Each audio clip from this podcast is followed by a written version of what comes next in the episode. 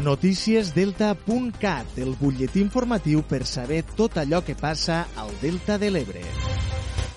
El ple de l'Ajuntament de Deltebre donarà compte en la sessió plenària d'este dimecres 15 de setembre de la renúncia de dos membres del govern municipal del Nairem del Tebre. Es tracta de la primera tinent d'alcaldia, Elisabet Tomàs, i del regidor d'imatge de poble, polítiques ambientals i platges, Joan Lucas. Els dos regidors han decidit fer un pas al costat en este últim tram de la legislatura en el que el govern del Nairem del Tebre té previst donar el màxim impuls a l'acció de govern. L'alcalde Lluís Soler ha valorat el gest valent i honrat que han fet els dos regidors de fer el pas al costat en aquest moment de la legislatura.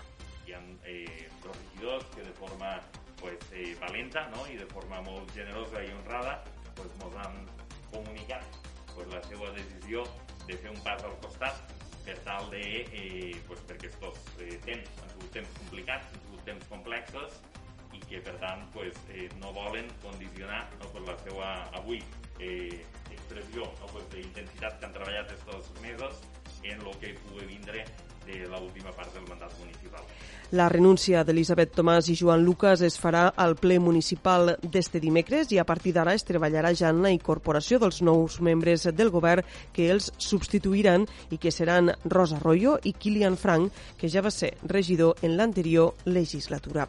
Per cert que en el ple ordinari d'este mes de setembre també s'aprovarà el compte general del 2020 i també s'aprovarà el darrer tràmit per a elevar a la Comissió Assessora Jurídica de la Generalitat la revisió del contracte contracte de subministrament d'aigua potable a l'empresa Sorea.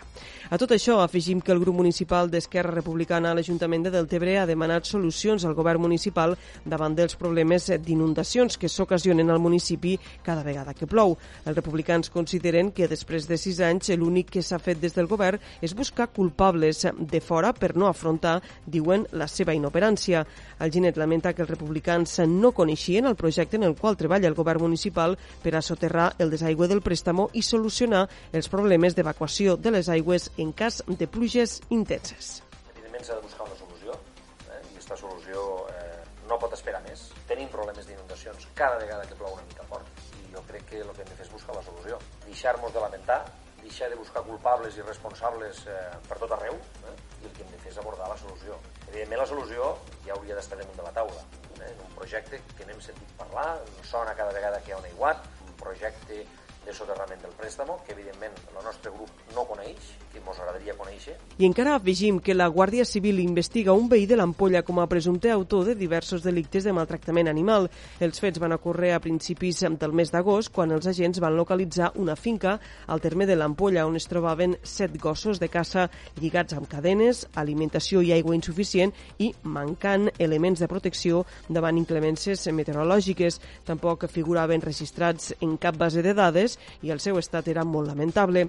El cos va oferir al propietari la possibilitat de traslladar els animals a una protectora, però aquest s'hi va negar. El Seprona va continuar fent un seguiment dels animals i en veure que la seva situació no millorava, van procedir a la presa de declaració amb qualitat d'investigat del propietari per un presumpte delicte de maltractament animal i els gossos han quedat en mans d'una protectora sota custòdia judicial. Això és tot el que us expliquem per ara. Ja saben que poden continuar informats, com sempre, a través del portal deltacat.cat.